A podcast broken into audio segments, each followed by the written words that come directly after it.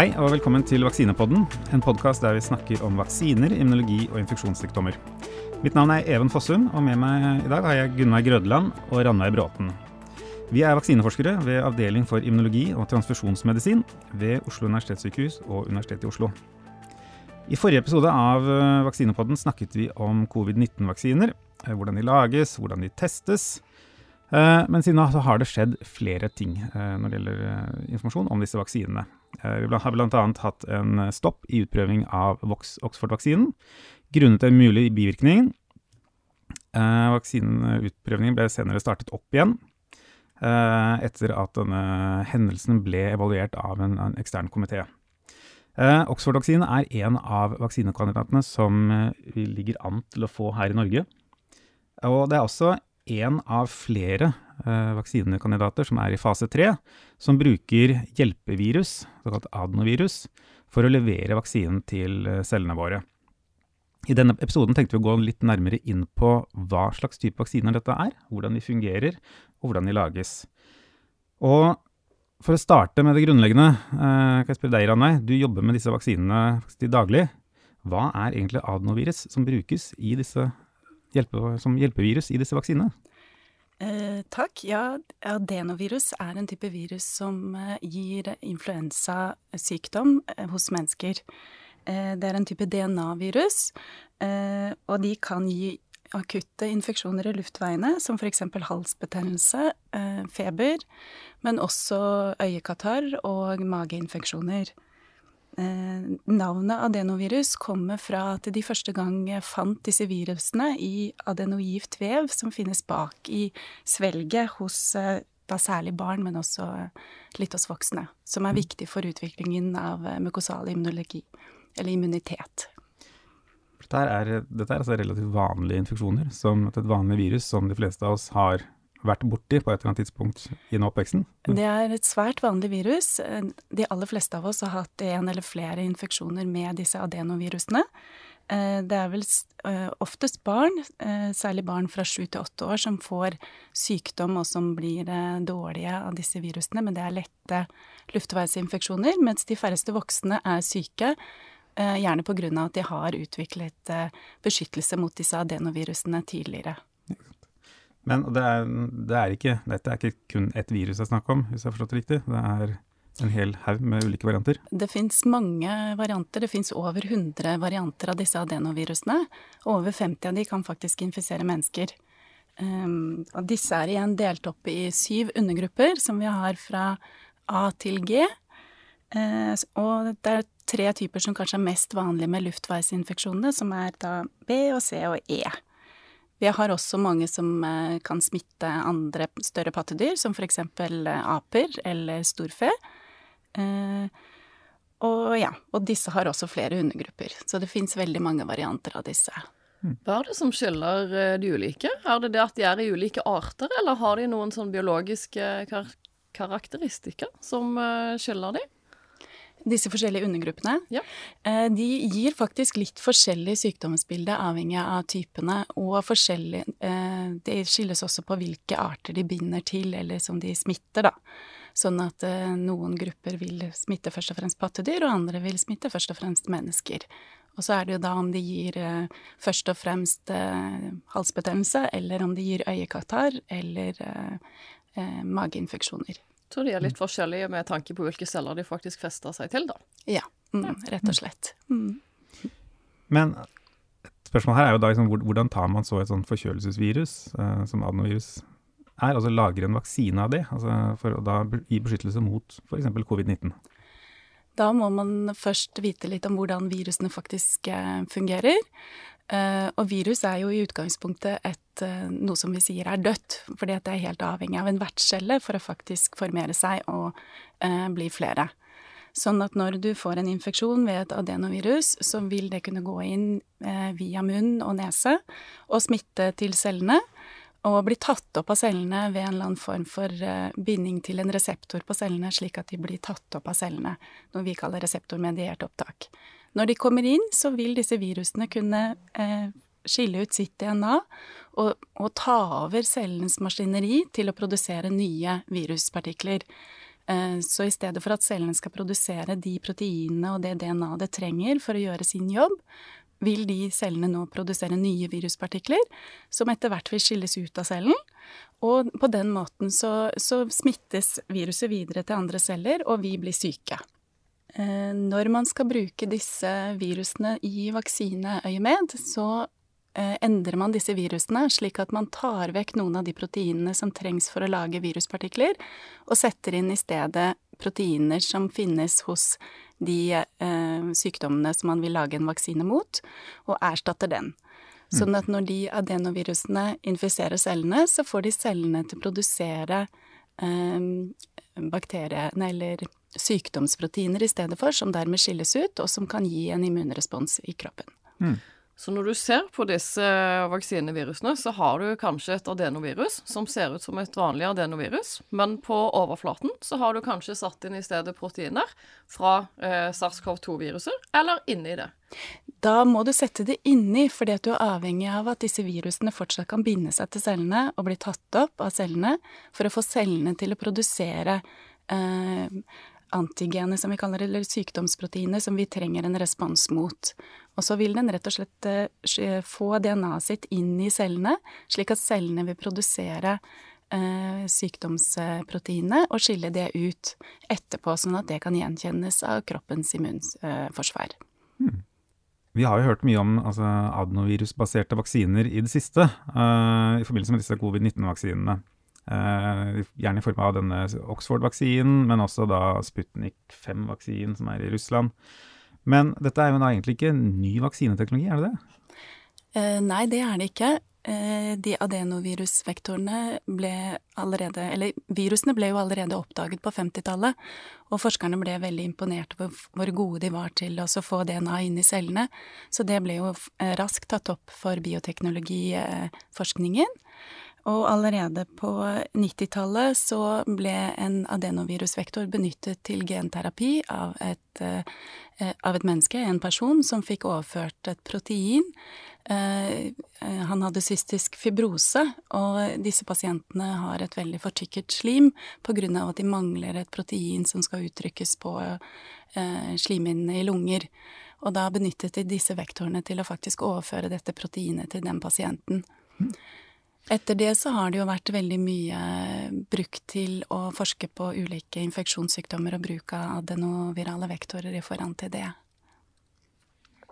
Ja, det har jo vært òg eh, for eh, vaksineutvikling eh, så har de blitt brukt lenge.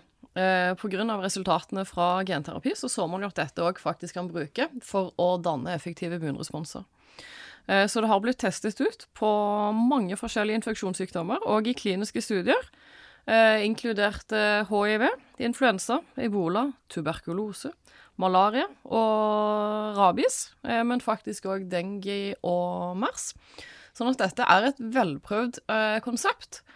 Men når det gjelder å faktisk ta det i bruk for befolkningen, så er det vel bare én vaksine som er godkjent ennå, ja, i sommer så fikk Jansen godkjent sin eh, ebolavaksine for bruk i Europa, og det er den første vaksinen som er godkjent for bruk mm. ved bruk av adenovirusvektor. Men altså, nå har vi, jeg tror at det er, det er mange vaksiner som er uh, under utvikling, og dette er en teknologi som egentlig er uh, brukt i mye større grad enn det man kanskje hadde tenkt seg på forhånd. Men hva er det da med adenovirusbaserte vaksiner som, som gjør at de er de, de er utbredt? Altså er det, hvilke fordeler har denne vaksineteknologien framfor andre? Altså. Eh, eh, det som den er veldig god på, er å overføre DNA. Og det har jo vært lenge vært et ønske om å bruke DNA-vaksiner. Eh, men som alle vet, så har jo det vært et problem at de har vært eh, ikke så effektive som man skulle ønske at de skulle være. Eh, adenovirale vektorer kan gjøre at du kan få overført DNA på en mye mer effektiv måte, og man har ønsket å se om det kunne gjøre DNA-vaksinene mer effektive. De har også en veldig stor fordel av at de er gode på å gi flere av eh, aktivere flere armene av immunforsvaret. De gir både antistoffer, den humorale delen, men de er også gode til å indusere T-celler. Både av hjelper-T-cellene, men også av de såkalte dreper-T-cellene. Eh, man ser også at dette er en veldig trygg vaksine. De mange eh, kliniske utprøvingene som nå er testet med de forskjellige infeksjonssykdommene, viser at det er få bivirkninger. Eh, og de er relativt raske å produsere og i store mengder. Mm. Når man trenger å gå inn på denne teknologien, så er det fordi klassisk eh, vaksineproduksjon ofte benytter eh, vanlig virus fra den sykdommen som eh, du prøver å beskytte mot.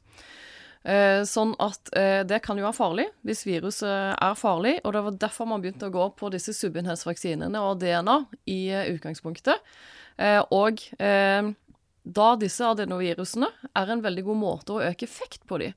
Det er veldig mange som tenker at sikkerhet med DNA og andre eh, vaksiner som benytter kun biter av et virus, er det som er utfordringen, men det er faktisk heller ofte effekt. Mm. Eh, så disse adenovirusene er veldig gode på å lage effekt, og som Ranveig sier, så lager de både antistoffer og celler som kan eh, ta og drepe infiserte partikler.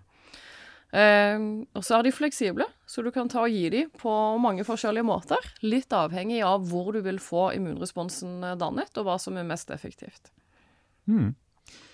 Men for å gå tilbake til disse covid-19-vaksinene. Det er jo egentlig de som uh, vi kanskje er mest interessert i akkurat nå. Uh, hvordan det går med dem. Altså nå har vi faktisk fire av ni vaksiner som er i fase tre nå, er jo basert på denne teknologien her. Så de har jo en, en relativt dominerende rolle. eh, i, i, de vaksinene som er nå under, altså har kommet lengst i utviklingsløpet mot covid-19. Men dette, altså, hvilke vaksiner er det vi har nå? Er det noen som har eh, tenkt at vi har da altså, Vi har nevnt Oxford-vaksinen. Mm. Hva, hva, er det som skiller den eventuelt fra de andre? Ja, den eh, Oxford-vaksinen har et eh, ape-adenovirus eh, som basis. Eh, mens den som er nest mest kjent, kanskje, er den russiske, eh, som har humane adenovirus som basis. Eh, men det er òg eh, flere andre. Du har eh, noen fra Cansino, og så har du Jansen, som har vaksiner. Så det er litt forskjellige. Alle er på en måte samme hovedprinsippet. Og så har de valgt litt forskjellige strategier med akkurat hvilket adenovirus de har valgt. Og det har jo noen fordeler og ulemper hvilket du har valgt. Hmm. Hva vet vi egentlig om altså, jo, Vi vet jo fortsatt ikke om disse her beskytter eh, mot infeksjon, for disse fase 3-studiene er jo pågående. Vi kan kanskje forvente oss å få de første resultatene i løpet av eh, ja, senhøst, vint, tidlig vinter. Men uh, de har jo vært testa en del, og det er jo publisert en del data på tidligere utprøvninger, disse fase 1 og 2-studiene, der man uh, i større grad prøver å teste, bare vise at disse vaksinene faktisk gir immunresponser. Uh, og at definerer altså, hvor, mye av vaksinene man er nødt til å gi for å få, få, faktisk få en respons. Og For å starte med det enkle her, da, hvordan, hva er, er det noen sånne generelle så take home ja, ideer vi kan få fra disse, disse fase 1-2-utprøvningene? Eh, altså Når du får eh, en vaksine, eh, så er det relativt vanlig at du vil få noen symptomer som eh, assosieres med en infeksjon. Eh, og det får du òg med disse vaksinene her. Man ser at de som har blitt eh, vaksinert i fase 1 og 2, de har fått litt feber, litt slapphet, litt hodepine og muskelsmerter. Og det vil rett og slett si at immunsystemet er kicket i gang. Så det er i utgangspunktet et uh, godt tegn. Og så er det jo uh, viktig at man nå tester de ordentlige fase 3 for å se om det kommer uh, alvorlige bivirkninger som ikke er så enkle å forutsi eh, knytta til vaksinering. Ja, for her har vi jo hatt et, eh, et tilfelle av en alvorlig bivirkning som, som dukket opp i denne Oxford-utprøvingen av denne Oxford-vaksinen, som førte til at uh, utprøvingen ble satt på vent. Men dette her er ikke nødvendigvis helt eksepsjonelt, er det? det? Nei, det er helt vanlig faktisk at kliniske studier eh, tar en pause når man oppdager eh, symptomer som kan være eh, alvorlige bivirkninger etter en vaksine. Eh, utgangspunktet er jo at man i fase tre inkluderer flere titalls tusen eh, individer, og man prøver jo å kartlegge eh, hva slags medisinsk bakgrunn, eller hvilken medisinsk historikk de har fra før for å prøve å utelukke bivirkninger som oppstår pga eksisterende ting. Men det er ikke alltid like lett når man har flere titalls tusen, sånn at derfor er det vanlig at det oppstår symptomer hos noen som man da må finne årsaken til, siden de er deltakere i en vaksinestudie. Er det vaksinen som forårsaket eh, denne bivirkningen, eller er det helt utenforliggende faktorer? Eh, så når de stoppet eh, den kliniske utprøvingen av denne Oxford-vaksinen, så tenker jeg at det egentlig viser at systemet fungerer. Eh, og i en situasjon som den vi står overfor nå med covid-19, så tar man seg tid til å stoppe opp, finne ut hva forårsaket denne alvorlige bivirkningen i denne ene deltakeren. Og når man da finner ut at det ikke var direkte relatert til vaksinen, så kan man gå videre. Mm. Og det er det som har skjedd nå. Nå har man på en måte kjørt videre denne fase tre-studien, i hvert fall i de fleste landene der den, der den var i gang. Um, kan jeg komme litt tilbake til forskjellen på den russiske og eh, Oxford-vaksinen? Fordi vi var inne på tidligere at de brukte litt forskjellige virus som uh, utgangspunkt.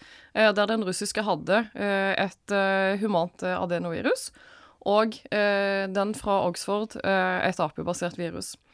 Eh, og eh, det en av de tingene som blir interessant nå å se egentlig i denne fase 3-studien, er eh, om det vil ha påvirkning på effekten av vaksinen. Fordi det mange har tenkt, er at når du bruker humane adenovirus i disse vaksinene, så er en mulig konsekvens at immunsystemet har møtt dette viruset før, eller et lignende, og derfor vil reagere etter vaksinering med å bare fjerne vaksinen raskt og effektivt før du får danna eh, sterke nok immunresponser. Mens apeviruset da potensielt sett ikke er noe du vil ha immunresponser mot, og derfor så vil det kunne danne sterke responser mot uh, det. Sånn at dette blir veldig spennende å se på effekten mm. i uh, disse fase 3-studiene for de ulike vaksinene. Og der kan jeg også skyte inn litt i forhold til det er det vi forskerne kaller vektorimmunitet. Eh, det at, eh, som jeg nevnte, at veldig mange mennesker har vært eh, smittet med adenovirus før. Sånn at vi vil ha en viss grad av immunitet mot disse virusene. Og sånn som du forklarte, at man tror da at når man skal bruke disse som vaksiner, så vil kanskje noen av responsene som allerede finnes hos mottakerne, gjøre at vaksineeffekten blir dårligere. Eh, nå er det litt forskjellige humane varianter som er benyttet i disse fire ulike løpene.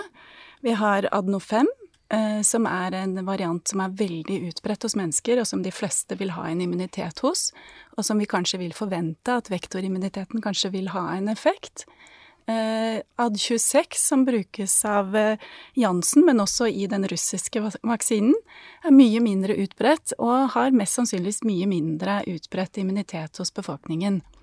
Eh, også som eh, du snakket om, at eh, apevirusene vil jo mest sannsynligvis ikke være kjent hos oss i det hele tatt, og vil da ikke kunne eh, ha noen effekt. Mm. I den russiske så prøver de jo litt å faktisk eh, svare på dette ved å bruke to forskjellige. At de gir først én human, og deretter eh, en annen, for å redusere sannsynligheten for at du er imot mot begge, i hvert fall. Mm. Så de har tenkt på det der òg. Mm. Absolutt, og det er jo det som har vært litt eh, innen forskningen, at man ønsker, har tenkt at det ikke er så lett å booste med disse vaksinene når du har det samme, fordi at vektorimmuniteten, eller den beskyttelsen du, du har da, vil gjøre at effekten av vaksinen blir dårligere. Mm. Eh, så det har, som du sa, eh, den russiske vaksinen tatt høyde for, med at de booster med to forskjellige. Bare for at de som eventuelt ikke skulle glede Booste er rett og slett bare at man vaksinerer to ganger etter hverandre? er det ikke? Det stemmer, ja. Um, man har vel også sett, tror jeg, fra denne, denne kinesiske uh, Ad5-vaksinen, altså som er da basert på dette, dette, vanlige adenovirus 5, at man så en ganske markant, eller sånn redusert effekt av vaksinen hos personer med, som hadde immunitet mot vektoren. Så Ca. halvparten av de som ble vaksinert, hadde faktisk uh, immunresponser mot AD5. Og disse hadde også lavere effekt av vaksinen. Så selvfølgelig, det kan jo vil bli spennende å følge hvordan det faktisk kan slå ut i, i en fase tre-studie. Ja, og hvis vi skal si litt om eh, For nå har det jo begynt å komme litt resultater fra fase 1 og fase 2. Og eh, der sier man jo litt om hvordan resultatene er for disse vaksinene i de som man har testet ut. Eh, og det bekrefter jo egentlig det man har sett før, at disse adenovirusvektorene er gode til å indusere antistoffresponser eh, og T-celleresponser, men at når man har en eh, vektorimmunitet, så er kanskje effekten redusert noe for disse. Men de får en effekt selv om de har vektorimmunitet, så det er ikke sånn at selv om man har selv om man bruker de virusene som har stor utbredelse, så får ikke vaksine noe effekt i det hele tatt. Mm. De gir effekter, og de får også en mulighet til å øke effekten ved å vaksinere en gang til, eh, eller booste. Men effekten påvirkes av hvor mye respons de har fra før. Mm. Så de aller fleste tar jo altså nå og vaksinerer to ganger med disse vektorene. Men det jeg syns er litt interessant, er at du faktisk får dannet solide immunresponser etter én eh, eneste levering i de vi har sett av eh, data fra fase 1 og 2-studiene så langt. Eh, så da når vi faktisk kommer til eh, markedsføring av denne vaksinen senere, så er ikke det nødvendigvis at vi trenger eh, to vaksineringer. Mm. Det blir spennende å se. Mm, ja, nå så jeg nylig at uh, den ene av disse som skal over i fase tre nå, de skal vel Janssen sin vaksine, eller Johnson Johnson, som da er basert på en AD26, en litt mindre vanlig adenovirusvariant. De hadde lagt seg på én vaksinering og prøver å kjøre uh, det utelukkende, uh, og se på effekt etter det. Så um, absolutt. Dette her kommer til å bli spennende å følge med på. En liten ting, altså, som nevnt litt tidligere. Vi har jo sett at uh, altså det er altså fire av ni vaksiner som er i fase tre, er basert på denne, denne adenovirusteknologien for å levere vaksinene. Um, kan vi, altså, ha, har denne, hvorfor det, har denne vaksinen fått en så dominerende uh, rolle? Altså, er, det, er, det, et problem? Altså, det, kan det være andre vaksiner som faktisk er bedre her? Jeg tenker at uh, det er jo Hvis én skulle vise seg å ikke gi beskyttelse, betyr det da at vi rett og slett uh, har fire vaksiner som sannsynligvis ikke kommer til å fungere? Jeg tror etter det vi har diskutert, så selv om disse alle fire er basert på adenovirus, så er det litt forskjellig type adenovirus, og de har på en måte litt ulike strategier på om de boost, gir en dose til eller ikke. Eh, sånn at selv om en av de skulle vise seg å ikke være effektiv nok, så tror jeg fortsatt at det er mulighet for de andre eh, vaksineløpene til å kanskje lykkes. Mm. Ja, eh, så de har vært eh, veldig dominerende. Eh, men eh, vi vet jo at ved siden av disse adenovirusvaksinene, så er det andre virus som er eh, sjekket med tanke på å bli brukt som eh, vektorer. Og så har vi alle de andre subunhetsvaksinene, DNA, RNA og protein alene. Eh, men når på en måte så mange har kommet til eh, fase tre med disse adenovirusene, eh, så er det fordi de jo har en eh, stor erfaringsbase når det gjelder klinisk utprøving fra tidligere. Og her er det faktisk allerede en godkjent vaksine mot ebola. Eh, vi har ingen eh, vaksiner i dag som er godkjent, eh, som er av formatet DNA eller RNA. Så det gjør det litt usikrere å kjøre de vaksineformatene. Og på proteinvaksiner så er det kun et par som består av protein alene, som er godkjent. Sånn at man har rett og slett, med den erfaringen man har med adenovirus, så har man en veldig solid pakke som da er lett å på en måte få fram til klinisk utprøving. Mm. Og derfor ligger de fremst. Mm. Det, altså, det skal kanskje nevnes at det er jo rundt er 300 pluss ulike vaksiner som er i prekliniske uh, stadier også, uh, ifølge den der oversikten til WHO. Så det er veldig mange vaksiner som er uh, under utvikling mot covid-19. Og en del av disse er jo også basert på andre vektorer. Mm. Jeg så en oversikt som faktisk var godt over 500 mot uh, ja. covid-19. Og det er garantert mange som ikke står på listen i tillegg. Ikke så sant? her er det ja. Er dette oppdateres uh, hele tiden, så det er uh, veldig mye som skjer. Så det er mange vaksiner som, som, ligger litt bak i løypa, som potensielt også kan, kan være aktuelle. Og, og, det er som du har nevnt, at om vi ikke får den måte perfekte vaksinen helt sånn den første som kommer i mål, så er det egentlig viktig at vi får en, en effektiv vaksine som, og en trygg vaksine. Og så vil vi sannsynligvis se at det kommer mange flere vaksinekandidater mot koronavirus, eh, som da har blitt testa ut og fått på en måte kommet i gang i løpet av pandemien nå. som det blir spennende å følge etter hvert som de, de også går inn i klinisk utprøvning seinere. Om de ikke vil være til beskyttelse mot covid-19, så kan de være, eh, tas i bruk ved senere pandemier, f.eks. Det kommer til å bli fryktelig spennende. Da tenker jeg at vi avslutter dagens episode. Uh, tusen takk til Morten Skoglund ved seksjon for medisinsk informatikk ved Det medisinske fakultet for teknisk produksjon, og takk for oss.